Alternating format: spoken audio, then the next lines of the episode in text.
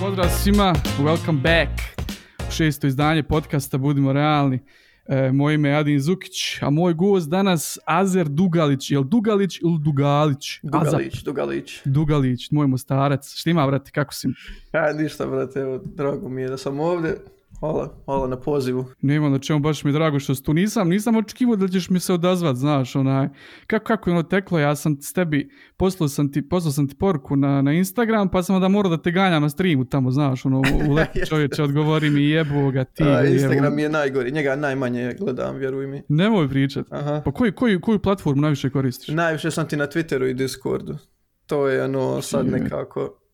Twitter Naj, naj, kako ne da koristim. koristim. Ja, a, a Discord ono koristim sa ovih par ljudi što igram Lola s njima, tako da sam i tu Discord je za, za gaming i mimove dušu dao. Ali čekaj, kakva je, kakva je uopšte forma Discord? Ono što sam ja vidio, ja koristim čisto ko Skype, ja nemam pojma šta je tu uopšte. Ono, Zavisi ako imaš svoj server. Sad napravit ćeš svoj server i ja sam imao lika koji zna o tome dosta pa mi uredio. Ja sad ne razumijem se previše. Ali ono, toliko je fleksibilan da možeš šta hoćeš u njemu. Napraviš sobe za mimove, sobe za, za raspravu o toj temi, ovoj, ovoj igri, pa voice roomovi. Baš je fleksibilan. Možeš ga koristiti kao Facebook i kao Skype i ono, Pa znaš, na nešto ko forum na steroidima, znači. otprilike. Ja. Ovaj, ne znam odakle da krenim ovako, kad razmišljao sam malo koje teme prvo da se, da se onaj dohvatimo. Pa imamo neki ovako početak, kad si počeo da igra, ono, sačekaj, sačekaj, u stvari prvo treba da objasnimo ljudima, ovi za, za ove koji te ne Šta znaju, se dešava? Jeste, o čemu, ovaj? se pri, o čemu pričam uopšte. Ovaj, Azer Dugalić, Azap je, je, je LOL streamer uh, full time, je li tako? A, jest.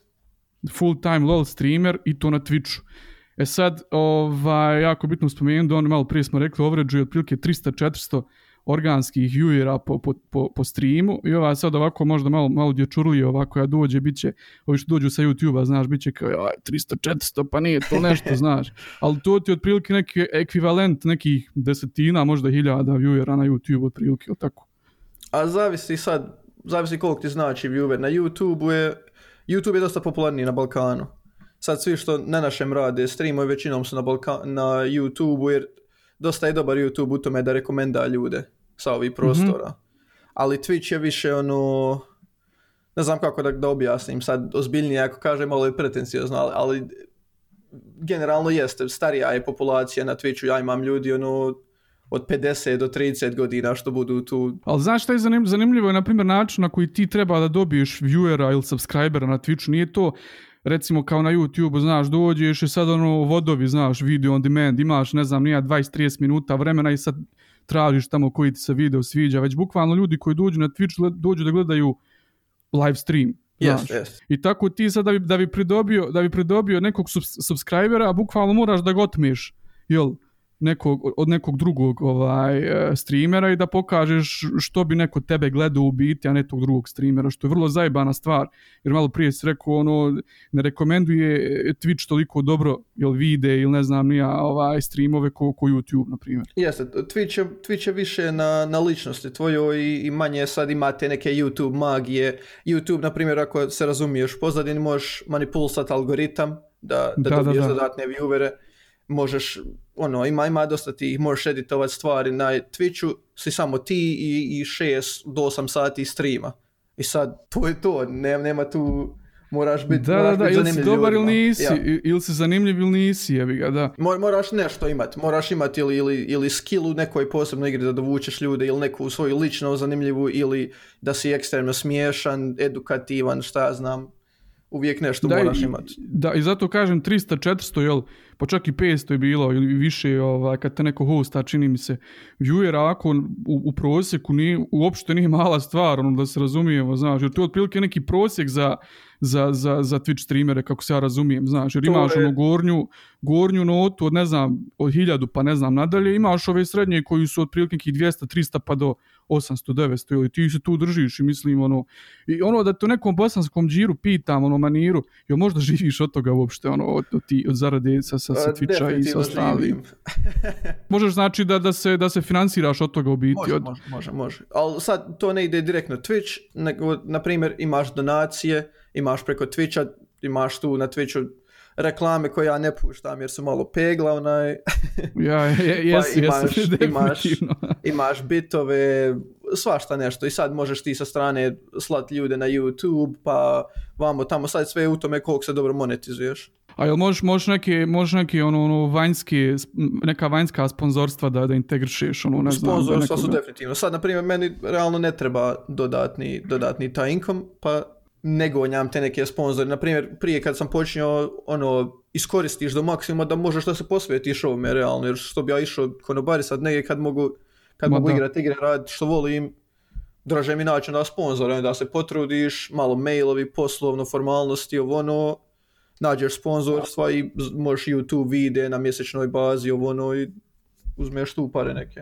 Da, a, ali onaj, ja vjerujem da je, da je početak, ono, sad da, da ne znam, napravim, ne, ne, na, men, pukne film, ne znam, ni ja i dođem sad da pokrenem recimo u svoj stream, ono, kad, prvo kad sjediš i skontaš i počneš, počneš ono brainstormat, znaš, ono, da nađeš neke ideje po tu, što nije, nije lahka stvar, čovječe, boži, ono, znaš, što bi tebe neko u biti gledao, vjerujem da je i tvoj početak, ono, ono bio vrlo zajeban.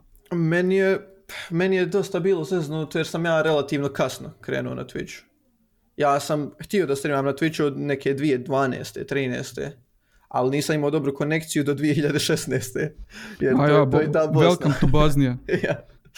I tek sam tad uspio krenuti, ali sam za to vrijeme od 2011. 10. pratio druge streamere i učio dosta od njih, kako oni rade, Aha. kako se odnose prema zajednici, ovo ono i sad dosta sam naučio od njih i sad na primjer kad zarađujem, hoću da im vratim, pa im se sabam, i doniram, da, je Ja, da nadoknadim. Ali, ali, ali ti si vrlo specifičan s obzirom da mislim da na Balkanu ne postoji jedan streamer koji streama kojem je, kojem je Twitch glavna platforma.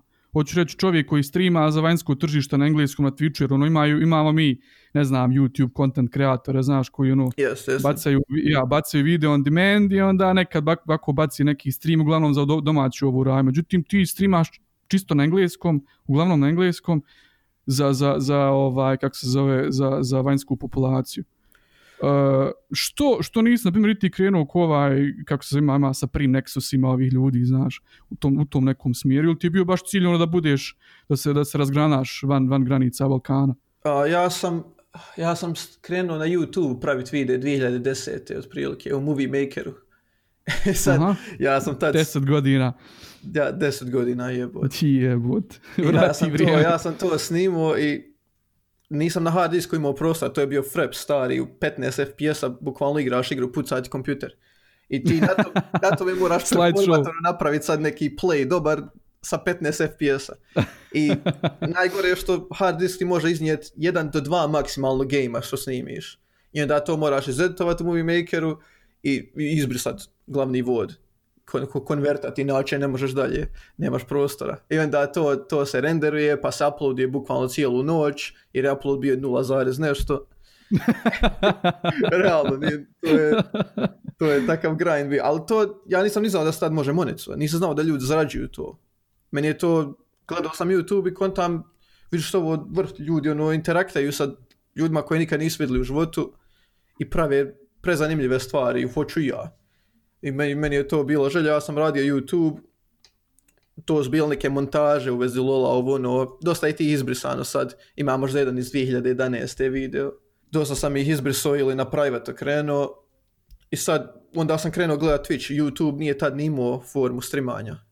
YouTube nije Mhm. bio streaming platforma, tad streaming je relativno nova industrija i to je Twitch započeo vrlo, vrlo dobro, on, njih Amazon kupio i rad, bio je prije Justin TV, Da, da, da, sjećam se Justin TV. sad rade nevjerojatno, vrijede, vrijede u, u bilionima. Jednostavno htio sam da krenem na, na Twitch jer ja sam pratio te streamere, ali nisam, nisam bio u mogućnosti. 2013. nije mi valjala ni ko- konekcija ni kompjuter. Pokušao sam, to su bili grozni streamovi, to ne, ne može čovjek gledat. To su pikseli, Minecraft bio od svega. I onda sačekao napokon Telemah, ne znam, oko 2016. početak je ovdje uveden, ja kupio kompjuter, skupio i onda sam, onda sam krenuo taj neki stream i tad je bio stream na našem, na Twitchu. Što je Aha, okej. rije- rijetkost bila.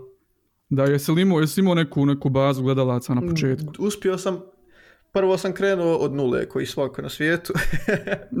pa dobro, to, je- to, je, to je prije kad sam streamao speedrunove starih igara, retro igara, streamo Quake Live, na primjer, jer sam fan starog Quake-a, Dooma. I to sam streamao bio u početku, onda vidim ne ide, gleda me jedan čovjek, a to sam ja na mobitelu sam sebe gledao. Jer nemoguće, realno, na Twitchu je nemoguće uspjeti ako kreneš bez ičega, bez influksa viewera odnekle. Mhm. Treba, treba taj neki influx. I onda sam krenuo praviti YouTube videe za našu scenu. I sad sam tu razvio neki following i krenuo streamat na našem i onda, i onda je bilo neka 10-15 viewera i to je došlo do neke, ne znam sad cifre, 70 viewera što je meni ogromno bilo. I onda Mhm. sam odlučio da prepoznao sam, znaš šta je kad na Balkanu radiš nekako, community je narastao, ali nije sad bilo to to. Nisam, ošao sam kada nije, nije bio moj community, kada nisam mogao prišti o svemu čemu želim. Mhm, mhm. Ljudi upadnu, na primjer, sa, sa YouTube-a i vas zaprave dramu neku, u nas je vas za sve uvez drame na Balkanu. Jest, ono. jest, jest, tačno. hoću samo da igram igre, bola, da, da, da pričam o mimajima, da se zajebajem. I sad, meni se to nije toliko svidlo, htio sam nešto malo ono, da krenem, da, da mogu ozbiljnije čak i pričati. I haj, vidim, vidim da postoji ta neka rupa u, u marketu na, na, u lolu, heroj Velkos kojeg ja igram, niko na svijetu nije sad toliko dobar i nema puno kontenta za njega. Mhm. I ono, znam engleski relativno solidno i odlučim od, od internacionalno i donesem tu odluku. Vrlo je teška bila odluka jer naravno 30% ljudi će ti ostati maksimalno. Da, da, da, Dosta da. ljudi ne razumije ili im se ne gleda ili šta ja znam ili te gledaju samo zato što podržavaš naše i sad ne znam ima taj neki patriotizam i donesem tu odluku ono bude, bude relativno zeznuto ali odlučim se fino, kupim sebi knjiga na engleskom, da proširim vokabular, čitam to, slušam podcaste. Ujebut. a, i Pa ti to pravo, znači ono, il, na sve ili ništa što bi se ja, reklo. ja, bukvalno taktički poziv, jer sad nisam tad ni puno vremena više imao. Upisivo sam fakultet, Mhm, mhm. ka, ono, neću imati puno vremena. Tad sam prestao amaterski i profesionalno igrat, to je ta liga bila. Igrao sam LOL, jer sam bio relativno dobar midlaner i igrao sam amatersku scenu u Britaniji. Mhm, ok. A to ono preko, preko interneta, jel? Nisi, Jeste, nisi u jeste, nije Britaniju. bila, nisam, nisam, to je bila britanska ta liga, kao, kao njihov LCS, otprilike. Što je prije, ok. sad, je, LEC. Onaj, I eto odlučim od, od sad da, da streamam, ići vamo na fakultet, rad, sve mogu u slobodno vrijeme streamat to kao hobi. Ko što i treba da bude, jer ako, ako kreneš sa namjerom, sad ću ja zarađivat, sad ću ja milione uzimat, sad ću ja dobiti donacije, ide to tako realno. Razočarat ćeš se prvi dan, ono i bit ću godinu dana. Jeste, tačno. Neće ti niko pogledat stream godinu dana.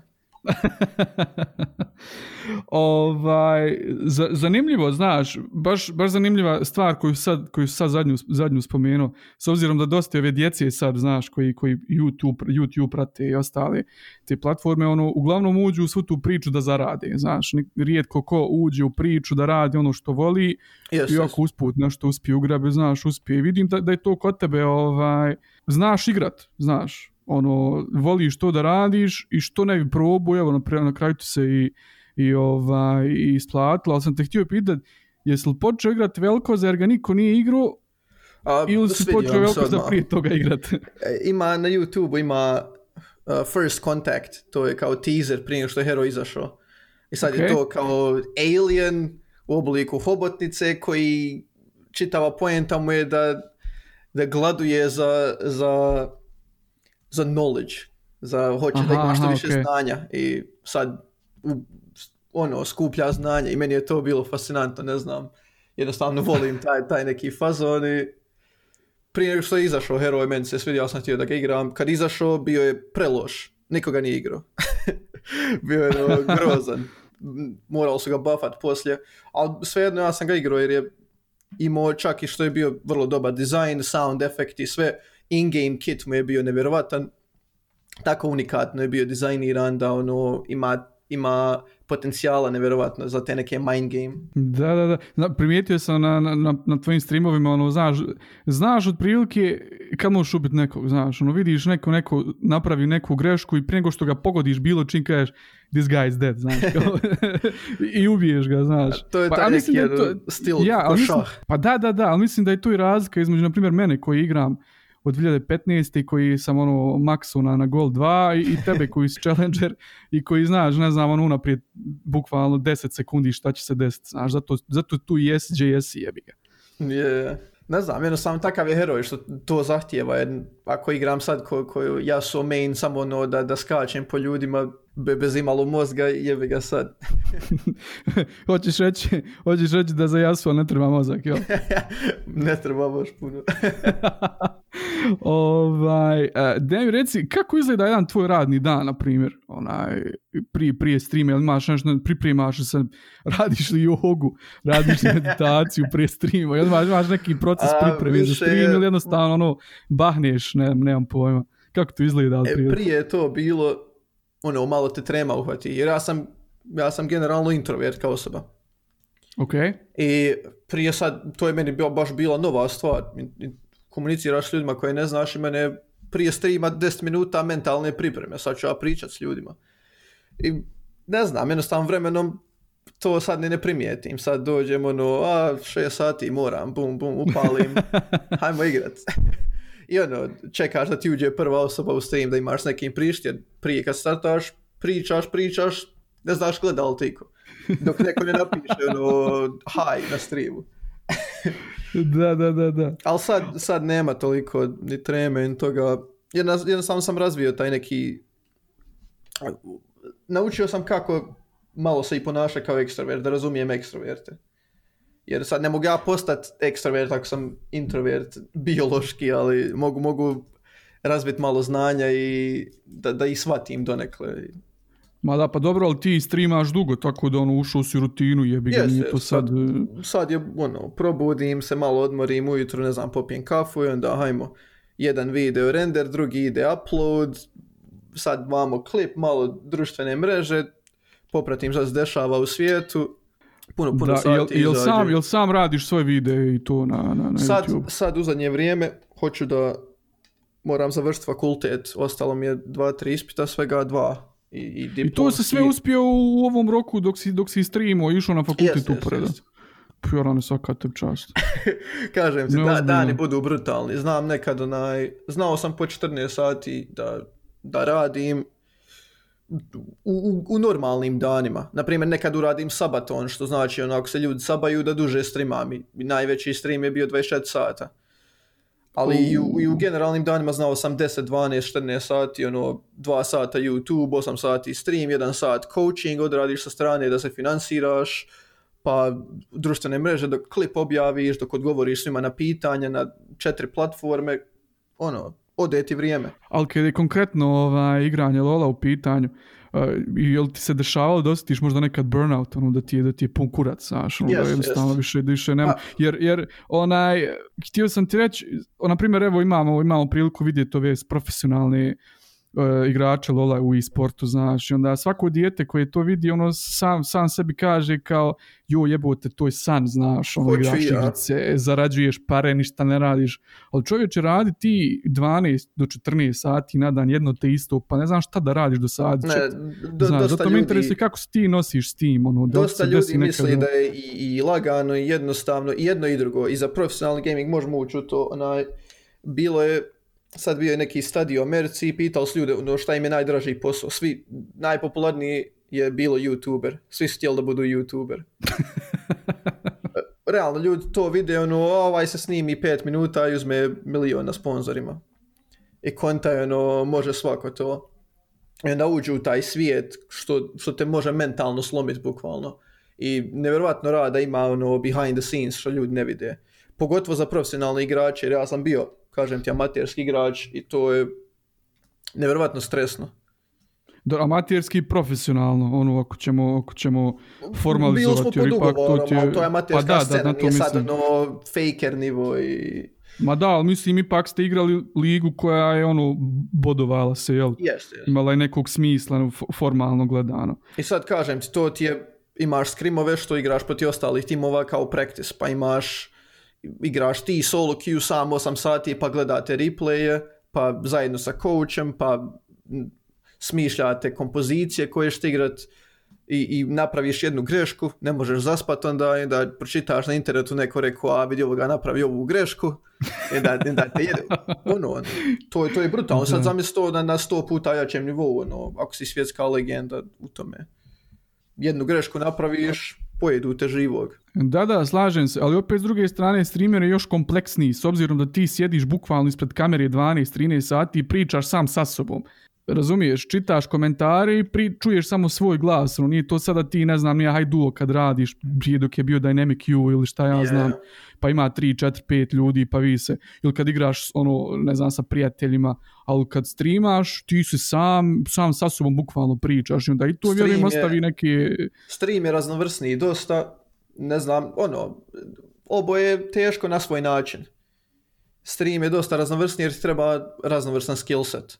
Sad ja sam kroz ovo naučio i editovat i u Audacity u editovanje zvuka i Photoshop i šta ja znam i milion stvari i moraš pričat, moraš moraš biti zanimljiv ljudima, moraš znat nastaviti razgovor ono, u nekom smislu, moraš znat šta ljude zanima i biti dobar u isto vrijeme u toj igri. Pa da, moraš se, moraš se fokusirati na, na, na, na Twitch, Twitch chat i moraš se fokusirati na igru, jebi ga, znaš, jer svako ono, znaš, svako ka- kad uđe na, na, na, tvoj, na tvoj Twitch, znaš, uđe u komentar, napiše nešto i svako očekuje da mu odgovoriš, jebi ga, budimo realni, znaš. A vjerujem da i ti hoćeš da svakome odgovoriš, ali ne stižeš.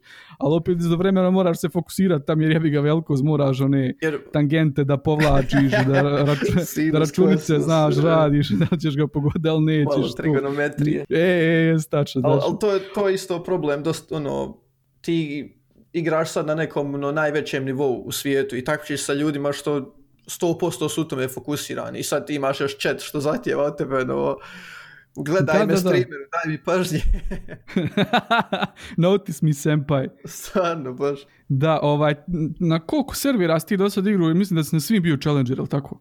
A, od, od kojih sam igrao nisam na Okeani bio Challenger. Po dobro, nisi, koliko, al- ali- koliko ti je tamo bio ping jebote? 300? 350. O, To je, ako, ako, za lajke trećina sekunde, što je u pa vrlo to brzoj Gerena igri. da igraš jebote, Gerena da igraš puno. je. Nije, nije, nije baš pametno. Ali igrao sam Ameriku, to je na 160 ping, Evropa 1, Evropa 2 i West, Nordic and East po 60 do 80, tu sam isto po Challenger. Mhm. Tako da u jednoj sezoni sam tri najviše na tri servera. Od koje sezone su počeli ovi rankovi? Sezona 3, 4, jel? Uh, koje kako sezone je bio ono, rankovi? Do, do, ne, do, do jedne sezone je bio Elo samo, onda Je, je je. poslije su uvedeni, uvedeni a- ovi tirovi. Elo, Elo Ilo sistem, to je, to je po, sad ne, kako se zove, jeli, pogreš, pogriješću ime, ne znam kako se zove lik, po njemu je taj ranking sistem koji iskoristi u šahu, Ilo sistem. A, i- okej, vidiš, nisam to znao. I to je bio original, dosta igara radi na tom principu. I vrlo jednostavniji i meni bolji. I sad je on bio do druge sezone i pre-season 3. Čim je Mhm. krenula treća sezona, ubacili su ove kao nove rankove do, do challengera. Koji je obit poenta ovih ovih novih rankova kad ti je pravi MMR ono, ono sakriveno? A poenta je da naprave abstrakciju ljudima. Ljudima je lakše gledat napredak, na primjer, ono, a promovisan si iz bronze u silver i daju ti neki emblem, tebi bude drago, malo dopamin ti skoči ovo, ono,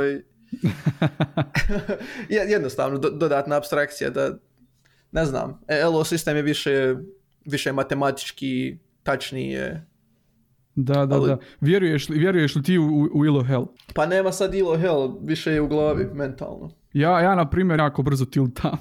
ovaj, užasno brzo tiltam. Mislim da, me te, da mi to nije dozvolilo makar do platine da dođem. Ovaj. Ali, ali ovaj, hoću ti reći, e, na primjer, da li je, da li je istina da, da je tolika razlika između, na primjer, Mastera i Diamonda, koliko kažu da je, na primjer, razlika između Diamonda i ostalog dijela ledera? A, pa, ne znam šta da kažem, zavisi od sezone do sezone, u nekoj sezoni su postanu neke taktike koje su vrlo jeftine za abuzati, ono ljudi dođu u Challenger, u Grandmastera, nemaju pojma realno kako igra ide, kako funkcioniše. Sad Ok. zavisi, ali, ali postoji definitivno razlika.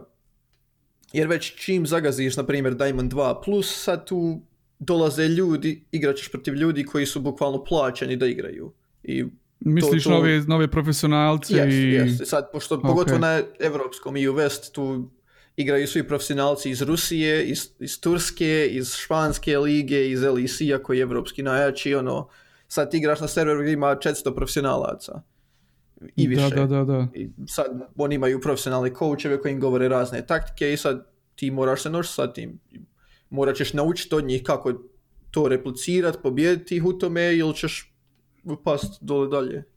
Da, ali na primjer nisam, vidiš, nisam ono osoba koja ovako, koja sporadično prati ovaj profesionalni sport.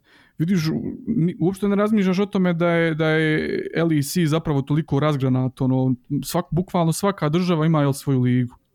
Ima, Evropa je dosta podijeljena u tome, zato je i puno jača scena nego u Americi, na primjer. Oni imaju Challenger Series i LCS. I zato svi, većinom jači igrači su im importovani iz Koreje ili Evrope. Da, da, da, da, da. Kako si objasnio roditeljima šta planiraš da radiš, ono, ma- mama, tata, ja želim da Reći igram reći ti kad igre i... objasnim. ok, ajde, izvoli. ne, ali realno sad ni oni, oni su krenuli sa premisom da je nemoguće na internetu zaraditi. Koji dosta ljudi u A nas. koji svaki, da, koji svaki Ja, ja. sr- srednjovječni ljudi u dviljetim godinama. Ali što najgore čak znam dosta ljudi oko sebe ono što nije im jasno da, da može zaraditi se preko interneta. To mi ono, dosta ljudi u nas kasne u tome, ali ono kad, kad su vidjeli da ima nešto od toga ono, ne znam. I prije nego što je bilo nismo je mogli zaustaviti, realno tak, ne znam. Jednostavno sam krenuo jer, jer sam to volio da radim, hoću da, da uredim sebi život u, u nekom svom smislu, ne znam. Kako, kako te je tvoj Mostar prihvatio? O Mostar je vrh. e, vruće vam, jako vam je vruće dole, bio sam prije Bravo. par godina. Majko moja, u, nekad u jedan sat uveče sam izašao iz motela, mislim da je 45 stepeni bilo, ono, osafunio sam se sad. Ma da, da, da.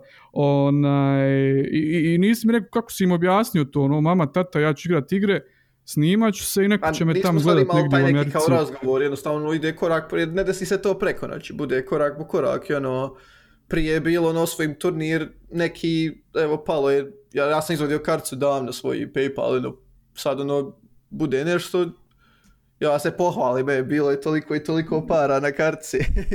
Aha, Ono, aha. kao, kao plata neka. i Jednostavno sam sad toga uradio taj neki, neku tu tranziciju na, na streamingu, na, na streamingu bude, u startu je vrlo sporadično, sad ne, ne dobiješ svaki dan istu sumu, jer to, to je streaming. Nekad ti neko donira puno, nekad ne dobiješ ništa 7 dana, 15, mjesec u startu i jednostavno Mhm, krene. A, kol- a, koliki, a, a koliki ti je dio tvojih financija koji dobijaš od Twitcha zapravo preko, preko ovaj, donacija? Jel više dobijaš od donacija ili više dobijaš od Twitcha? opet zavisi, zavisi od mjeseca kako ljudi idu, ali je poenta u tome što kao tweet, tweet subovi su više, više su stabilni. Sad, na primjer, ako imaš 400 subova, idući mjesec ne možeš imati ispod 300. Definitivno. Ali možda ne dobiješ ok. ni donaciju. E sad, ono, uvijek je neki prosjek, jer takav internet prebrzo je, ne, ne pojaviš se, ne streamaš mjesec dana, ljudi će zaboraviti na tebe.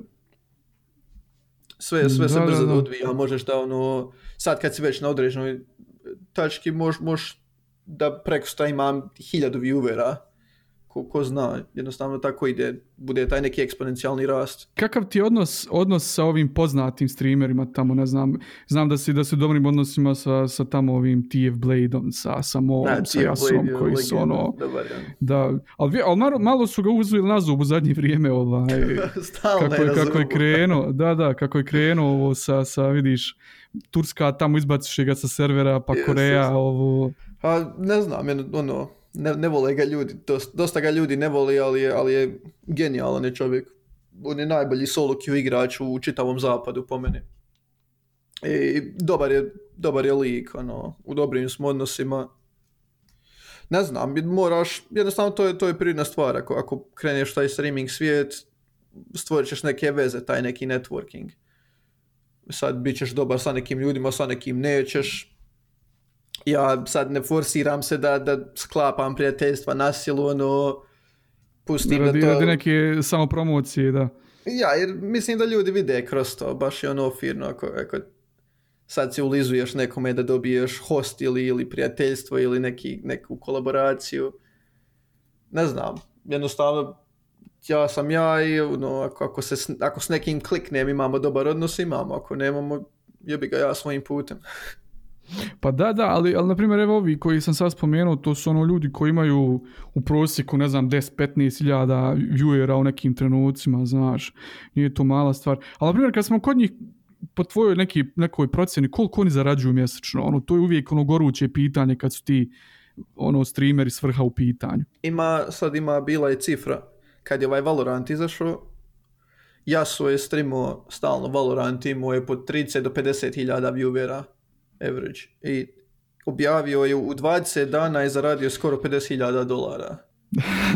U 20 dana taj mjesec. Pa nije ni čudo što sva djeca hoće da streamaju. je. Da, pa to, to je point, oni vide samo taj dio. da, da, da, vidi samo cifru na Oni kraju. vide samo taj dio, a ne vide dole ispod Yasuo da stoji 5000 streamera na nula viewera koji nemaju nikoga da ih progura malo, malo gore Da, da, da, dobiju da. tu popularnost i ne shvataju koliko je Yasuo zapravo radio da dođe do te tačke, da sad može ono snimit se kako sere i dobit će pare, bukvalno. Jeste, a što moraju, na primjer, ti, ti sa, sa, sa, donje, sa donjog, donjeg dijela ljestvice da učine da se nekako probiju ono prema vrhu. Šta, mo, šta mora da uradi uopšte? Jer s obzirom da ima, ima na primjer, idole ljudi koji, koji dobro igraju, koji imaju dobar Ima, ima, personality, znaš, ono- ali, ali jednost- jednostavno, opet se vraćamo na početak priče, e, svaki, svaki streamer ima svoju bazu gledalaca i u Broj, broj ljudi ne znači kvalitetu. Možda ima dosta kvalitetnih streamera sa nula trenutno. Ali sad da se dođe, kažem ti, ja sam 2016. startao i to je kasno po meni bilo. Jer već dosta ljudi ima sa svojim bazama viewera i sad ti bukvalno moraš nagovoriti ih, ej, gledaj mene, nemoj njega. Ono. Pa da, da, to, to, sam, to sam htio reći jer e, u, barem vidim po sebi, znaš, ja kad uđem na Twitch imam, imam tebe imam Rista, vas dvojicu, i nikoga, Da. nikog drugog ne gledam. Vjerujem da i ostali ljudi koji dolaze na Twitch imaju eventualno tri možda ono čovjeka koje followuju, koji gle- gledaju redovno i to je to, znaš. Nije to ko na YouTube, imaš, ne znam, nija 300 kanala, tamo je onda kad kod Pa ti hoćeš će stići, ja. čefniti se, da, to je drugačije. Zato kažem, šta ti ljudi, čemu se oni mogu nadati? Treba da im sam sko- influx viewera sa neke druge strance. Znači, bukvalno mora neko da ih hostuje ili da je, ne znam, Um, ja. hostovi neki sad billboard na, da na, napravi tako, o na tako mal stream hostovi ne pomažu sad toliko jer nemaju ljudi na šta da se, da se zalijepe. prikače. Ja. Onaj, tako kad si na nula viewera, ako možeš ti sad streamat 12 sati svaki dan, šansa da uspiješ premala. I da si najzanimljiviji čovjek na svijetu premala je šansa. Nego treba ti, na primjer, sad, to je taj neki marketing i uvijek gonjaš nešto. Ja sam, na primjer, radio, evo, to je dobra fora ako, ako LOL pokušava se, ili sad neka igra, na primjer, Valorant sa highlightima. Ja sam prije, e, to je još dodatno posla, na primjer, streamam 6 sati i zapamtim otprilike koji su dobri ti neki highlighti bili u tom streamu. I poslije streama odvojim sat vremena, odem po streamu i pokupim klipove tih najboljih Mhm. dijelova, spakujem ih sve u jedan notepad sa linkovima, dam im naslove i, i to pošaljem, imao sam taj neki chain mail ovih svi što prave highlighte na YouTube za, za, za A, LOL. to su ovi synapsi, E, ja, ja, ovi, ono, da, i da, da. taj fazon. I sad ja to njima pošaljem u tom nekom chain mailu, kažem ono samo mi dajte kredit ako iskoristite video, evo vam prava, koristite ovo ako su vam dobri highlighti i čao. I sad oni Jel ti to... pomoglo to? Jel ti pomoglo to? To Ti? je dobar fazon. Dosta vremena uloži se, ali isplati se. To je neki taj dodatni influx. Ljudi te primijete na jednom synapsu, na dva, pa vamo na Coconut, pa Fun of Legends i Pa skontaju su ovaj, na svakom, ovaj ja zanimljiv. na, i odmah dole kliknu na link, to je, to je taj azap, dobiješ jednom te feature, dobiješ dva, tri nova followera i tako, i vremenom se nakupi. ali znam da su, da su, da, kad, kad nekako prije par godina tek počeo, počeo taj fazon, mislim da je Synaps bio prvi koji je počeo Yes, yes. ovaj, da kupite vide. Znam da je dosta ljudi flamalo tog Synapsa, znaš, kao samo odeš, bukvalno odeš na Twitch, pokupiš ono, te klipove koji su najgledaniji, napraviš onaj, e, napraviš neki zajed, onaj, kompletan video, zalijepiš na, na YouTube i bum, ono, imaš pare, znaš. Ono, je bukvalno fora, nisi ništa uradio, jeftina fora, jest. ali, ali sad zavisi i malo tebi koristi. Naprimjer, kad si mali streamer, naravno da ti je drago da te feature ako si ogromni streamer, on više tebi krade viewere i onda dosta Pa većih streamera ne želi da budu u tome i zabranili su im, realno. Da, znam da je, na primjer, da, da je ovaj Cutie Pie, da se žali, da se Tyler on Van žalio. svojim Da, videima bude onda. da, da, da, znači i to, i to isto pomaže. Ono, sad, je, je, li, je li simbiot ili parazit? Je li oboje imaju korist ili samo jedan? Jeste, jeste, jeste, tačno, dobro, dobro si to rekao. E, šta, šta te očekuje u, narednom periodu? Jel te, jel te ovako kad, kad, ono, kad streamaš, jel te, jel te strah da će to jednom, da će to jednom, na primjer, stat, ono, da ćeš izgubiti to, viewere, je- da... to je ta streaming anksioznost koja uvijek postoji. Da imam sad 10.000 viewera, sutra bude 9.5, ono, u glavi ti je panika, šta se dešava. Ali, ono, naučiš se nositi sa tim, jer moraš, inače te slomije. Ako, ako razmišljaš o vieweru. Je- jeste, Zato ja, ali na primjer, kad streamam ne gledam broj viewera. Nemam Mhm. nigdje prikazan broj viewera kad gledam stream. A, to je- imam to na, to na znači neka- ekranu, imam chat, to, to je više kao psihološka kvaka. taktika da ne bi sam sebe određivo šta ću raditi na osnovu koliko viewera imam. Jer, na primjer, ako radiš nešto i vidiš ono broj opadne za 10 viewera, kontaš, sam ćeš sebe u glavi ono, ubijati šta sam uradio. To je ono isti Tako fazon, da- nemoj, nemoj gledati to PGG prije svakog gejma. Je. Ja, ja, jer ako vidiš loše nešto, ubićeš sebe mentalno, ti ćeš biti lošiji. Ali, ali, je i to, ali je to isto ovaj, fazon je da ti onda konstantno moraš ono, da, da, da povećavaš ono, taj, taj grind, znaš, non stop da razmišljaš, da donosiš nešto novo, da budeš interesantan tim viewerima. Naravno, naravno. ali opet se vraćamo na, na, sam, na sam proces streaminga, znaš, i samu formu streaminga, definiciju streaminga, pogotovo na, na Twitchu gdje ti ono da bi te ljudi gledali, znači moraš im biti interesantan, nema ti druge. To mora, mora se pogoditi neka tačka između, između novosti i rutine. Ljudi vole da je da ima nešto poznato, da im je udobno, ali opet vole da se vremenom neke stvari promijene, inovacija, da, da ima nešto i zanimljivo. Inače je dosadno. I sad, to je to, Mo- moraš imati tu neku zajednicu koja vremenom evoluira polako. Ne smiješ je naglo mijenjati, ne smiješ presporo. Da li ćeš nekad promijeniti maina? Pa ono, moguće, ko, ko zna, šta ja znam, hoće li Riot rework urat neki njihov smiješni i onda, onda mijenjaš maina i, i to, na primjer, onaj burnout što si spomenuo isto, na primjer, znao sam najbolji rast je realno meni na LoLu jer me najviše zna ljudi preko toga. I sad znao sam u mjesec ono 30 dana streamam, 30 dana LoLa i svaki dan 8 sati. I dođe ti više ono da ne uživaš u tome.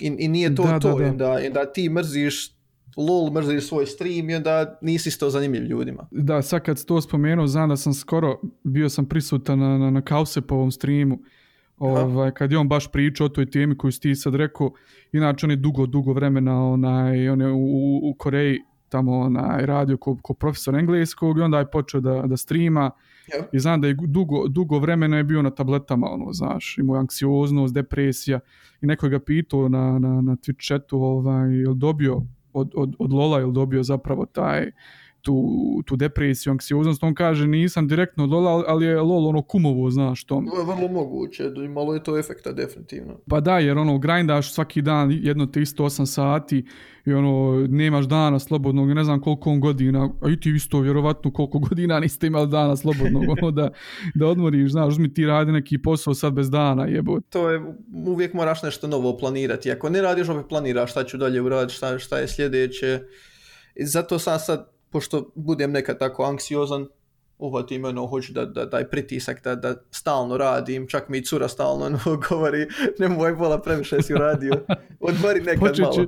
počet ćeš bacat lasere iz očiju, ono, true damage radi. Je, ali eto, kažem sad uvodim, ono, uveo sam na primjer srijedom je kao opcionalni dan, kad streamam samo ako nemam ništa rad trenutno i tad igram šta mi se igra. Ne, ve- nevezano Ali za opet LoL. stream. Opet je stream, bude, nekad, nekad pauziram. A petkom bude kao taj Variety Friday kad mijenjam igre. To je danas zapravo. bude li ti, bude li ti isti broj gledalaca Naravno kad da ne streamaš bude. variety? A, ne, bude, ne bude. bude manji, jel?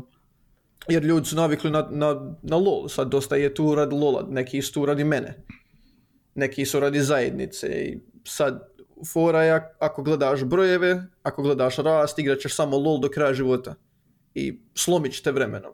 I upravo zbog toga sam ovo uveo i nekad ono dođeš da odmoriš, jednostavno pročilaš, igraš, igraš Doom, ovaj novi Eternal, igraš, šta, šta se igra. E, To je baš da se izdu, izduvaš onda. To, to je poenta, sad te dane ono, namjer ne, ne razmišljaš o tome jesi li zaradio, nisi, jel bilo sabova, bukvalno briga te igraš za dušu da odmoriš. Koliko će, koliko će ovih streamera sad skočiti na ovaj hype train od Valoranta i otići da streama Svi. Valorant? Stvarno? Svi.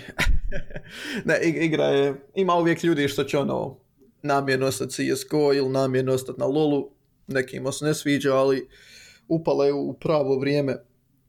Ima, ono, igre sa kartama su malo dosadile, Da, da. isfuralo je dosta stvari, WoW je usporio, bukvalno svi ovi streameri što prate ovaj cloud chasing i, i Battle Royale, su svi usporili, svi streameri odatle hoće da pređu na ovo i, i dosta CSGO, no što je dosadio, ma nevjerovatan je marketinški potez ovo od Riota, Valorant će ja mislim da će biti najveća igra do, do kraja godine, definitivno. Pa imaju već, gledao sam, baš danas sam gledao na Twitchu, ovaj, ukupan broj e, gledalaca na, na League of Legendsu je 150.000 bio, a na Valoranta mislim da je bio 500. Bio je im 1,7 miliona peak na, na launch. Prekucali su sve rekorde. Iako su malo marketing koristili, ono, možeš dobiti close betu samo ako gledaš streamere. Da, da, da, da, da, da. Ali to je još uvijek close beta, jel tako? Malo i botova, jes, jes.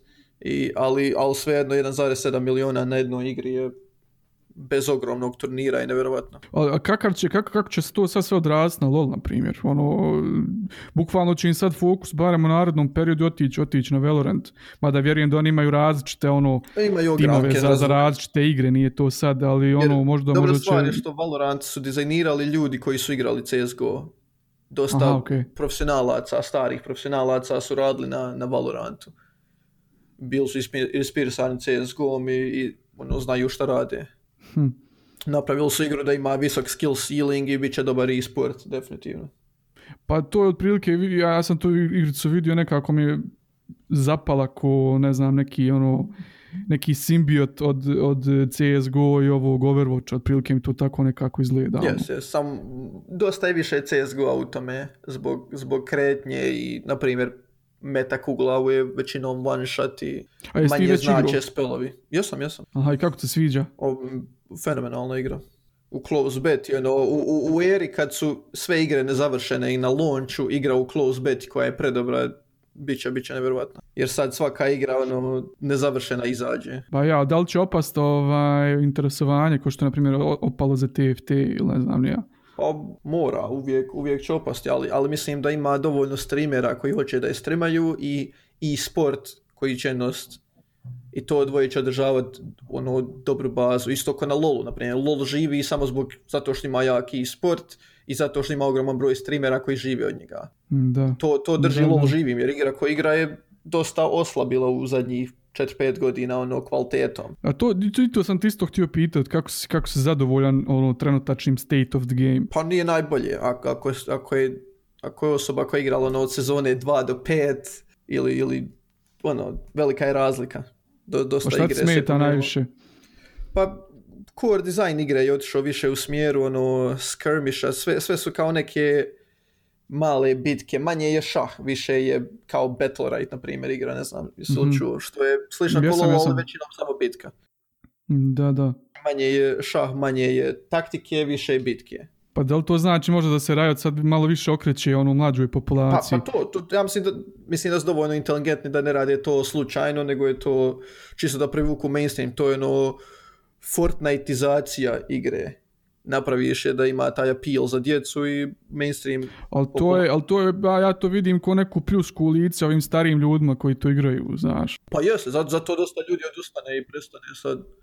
Pa da, o tome se radi, jer ja, na primjer, meni 28 godina, radim svaki dan 8 sati, dođem ono jedan dan, ne znam, dva, tri dana u je. sedmici, ajmo tako reći, dođeš, možda imaš dva sata lufta da odigraš dva gejma i zapadnu te četiri ono balavca, znaš, i bukvalno baci, ono bačeno grozno. vrijeme, Ma ja- nici, ono, grozno se osjećaš nakon tih gejmova, znaš, razumijem. mislim da, da Riot uopšte ne obraća puno pažnje. Ovaj, opet za vas, za vas koji, koji toli- toliko dugo igrate, imate, mislim, ono, bukvalno vam se život vrti oko lola, znaš, i sad hajde jedan game imate trola, vama je to Ja, ono ne znači ti puno sad na, na toj da. skali, ali ako, razumijem, potpuno razumijem, ako tako osoba ima malo vremena, bude Da, grozno. da, da, meni je to, i zato, zato i ne igram u zadnje vrijeme, ono, igram ovako sa par prijatelja, ako Ja oni tu znam bacimo ovako prijatelja neki... je prestalo igrati, ono, jednostavno nije, nije im vrijedno više, ono, pogotovo ako su tersili ili lako se dalje Pa e, a rekli smo na početku priče, ja se jako brzo tiltujem. Stvarno, ono, meni je sekunda mi fali da, da me ono, skroz da mi promijeni, znaš, na mentalni sklop. A ono, a trenutna, na primjer, situacija, stav igre, ne znam nija kako da kažem, bukvalno te vodi u tom smjeru da te tiltuje u svakom ono trenutku, znaš, prvo zato što su ono iz prvih sezona su sklonili onu funkciju da možeš solo carry, ne možeš solo carry, game nema šanse, Yes, znači sad je ono da, je sad bukvalno ovisiš od ta četiri balavca koja sam malo prije spomenuli. Opet ja ovo govorim sa stanovišta osobe koja je gold jedan, ono, znaš, take, vjeruj mi, take it with tako the je. pinch of salt, kako kažu, je znaš, ali to je većinom jednostavno moje mišljenje. bude, bude. Da, to kažu i ovi kao, mislite da će vam se kao kvalitet igara popraviti kad budete visočije, kao postaće još gore nego što je bilo. Da, Diamond je najgori definitivno. Nemoj pričati, pa? Diamond je grozan. Od Diamond 4, ba, ogroman broj igrača je boostovan u Diamond 4 i onda igraju Ok. samo da ne bi ispali. I to, to su igrači koji ne znaju šta rade. Ono. ja ne znam što, to je, to je baš grozno i onda to je, to je polovina igrača u Diamond 4. Da, ne znam, dosta je loša situacija. Diamond 2, jedan tu su igrači koji misle da znaju igrati ono da će postati profesionalci ako pobjede samo taj jedan solo queue game i onda se previše unesu u to. Ako napraviš jednu grešku promašiš Canon miniona polude ljudi. A poludim i ja moram ti priznati, ono, baš, baš sam skoro pričao s ovim prijateljima, tačno kad, kad pro, promašim, kad, pazi, kad promašim Canon Miniona i kad čujem da se u, u fogu tamo kad rekne onaj Baron, onaj, znaš, Baron Asher, jedan dio mene umre, vjeruj mi, ono, toliko mi bude krivo, neočekivano, znaš, sve, ono. emotivna igra E, totalno, vjeruj, ono, kad, kad imaš tako te neke gameove, onaj, pa čak i na kraju kad, kad ono, pobjediš, ti si toliko mentalno iscrpljen, ono, istresiran, znaš, jednostavno, niti više ni do čeg jebote, ko da sam, ne znam, imao operaciju srca na nekom pacijentu 15 sati, ono, toliko te nekako iscrpi. yes, yes. Jel, ima, li, ima li jedna stvar koju bi ti ovako izdvojio i, i, i rekao da je najbitnija, znaš, ako hoćeš ono steady da se climbaš, ili ima ovako malo više? da ne tiltaš Da ne tiltaš, je li da je to problem? ne tiltat, ne flameat to je Jo, to je ja ne nevjerojatno. mogu, ne mogu da odolim, ne mogu da odolim, vjeruj mi, ja volim napisat piece of shit, to mi je nešto ono, to je ono, mo- moraš na kraju u onom lobiju poslije udariti što da, da te ne može, da te ne može uhvatiti da, to. da se naj- ispušeš najviše ono, da, jer ako pišeš u gameu i ti on lošije igrate ako završiš onda poslije ono.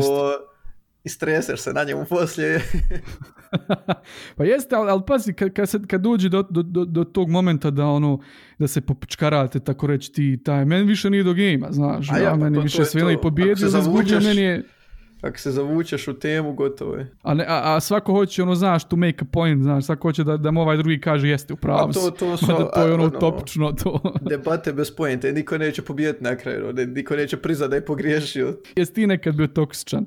A, možda malo, ali generalno sam smirna osoba čitav život bio, tako da ja ni nemam toliko problema sa tim u Lulu. kakvo je stanje u HL-u, ono, bude, bude li nekad nekog intinga, ne znam, Bude toksičnosti. definitivno, ono, evo, nisam, nisam tako podložna osoba sad nekom tom tiltu, a još nije toliko ni bitna sad. Jer, ono, šta mi znači jedan solo queue game gore dole. Mm, Pa dobro, jest tebi, ali opet sad kažem ja koji igram dva, dva na dan, boga mi, a do nekad dođe to koji je izduvni ventil, znaš, ono, ne, ne, nerviran si, nešto dođeš Je. na game, kažeš nekom tom balavcu, ne znam, da ode da se objesi ili nemam pojma i onda ti bude ti fino, ono, znaš. By the way, ja to ne podržavam, ja to nikad nisam rekao. Ali dobro, sviđa mi se ovo što, što podcast radiš. Baš mi ono, nedavno sam razmišljao o tome kako kod nas nema toga, volio bi ono da ne ga pratim od naših ili da slušam. Jer, Eto imaš priliku. jer malo, malo ljudi u nas je u tome, doduše možda ima ljudi kao, kao ti ono što pratite, na primjer Joe Rogan i... Pa znaš, ako vrlo malo ljudi zna za, za kako da kaže, malo prije smo pričali zapravo o formi podcasta, znaš. Nekad mi je teško gostu da objasnim da podcast nije intervju, ono, znaš, ne zovem te ja neki klasični intervju, radio intervju, TV intervju. Nego je više kao pjanska u dva ujutro, ono. Ma, e, baš tako, ono, znaš, gdje ti ja postavim jedno pitanje i sad ja šutim i ti držiš 10-15 minuta, znaš, nema ništa protiv toga, ono, moja prethodna dva... Ako je dva... važna tema baš, ono, možda. Pa jeste, jeste, kad zoveš, kad, kad zoveš ljude i kad, ima, kad oni imaju nešto da kažu, ono, vezano za, ne znam, nije, primjer, prošlo mi, prošle emisije je bio Čamil Duraković, političar, je bio Avdo Huseinović, onaj poznati režiser i znaš, ono, takve ljude kad zoveš onda moraš ih pustiti da oni svoje ispričaju, jednostavno to je tako, znaš, je. ne, ne možeš ti, rekao sam ti, pokušao sam sa, sa Avdom, ono, jednom sam upao u riječ, nešto mu rekao čovjek, ono samo nastavio, znaš, da priča svoju, ono, ko, ko te jebeba, ko, ko si ti da me prekidaš, znaš. Evo ako, kad, na primjer, dođeš ti za, za kog znam da znaš forum podcast, onda mi je dosta lakše, dosta sam opušteniji, znam, ono, imamo zajedničke teme, znaš, onda,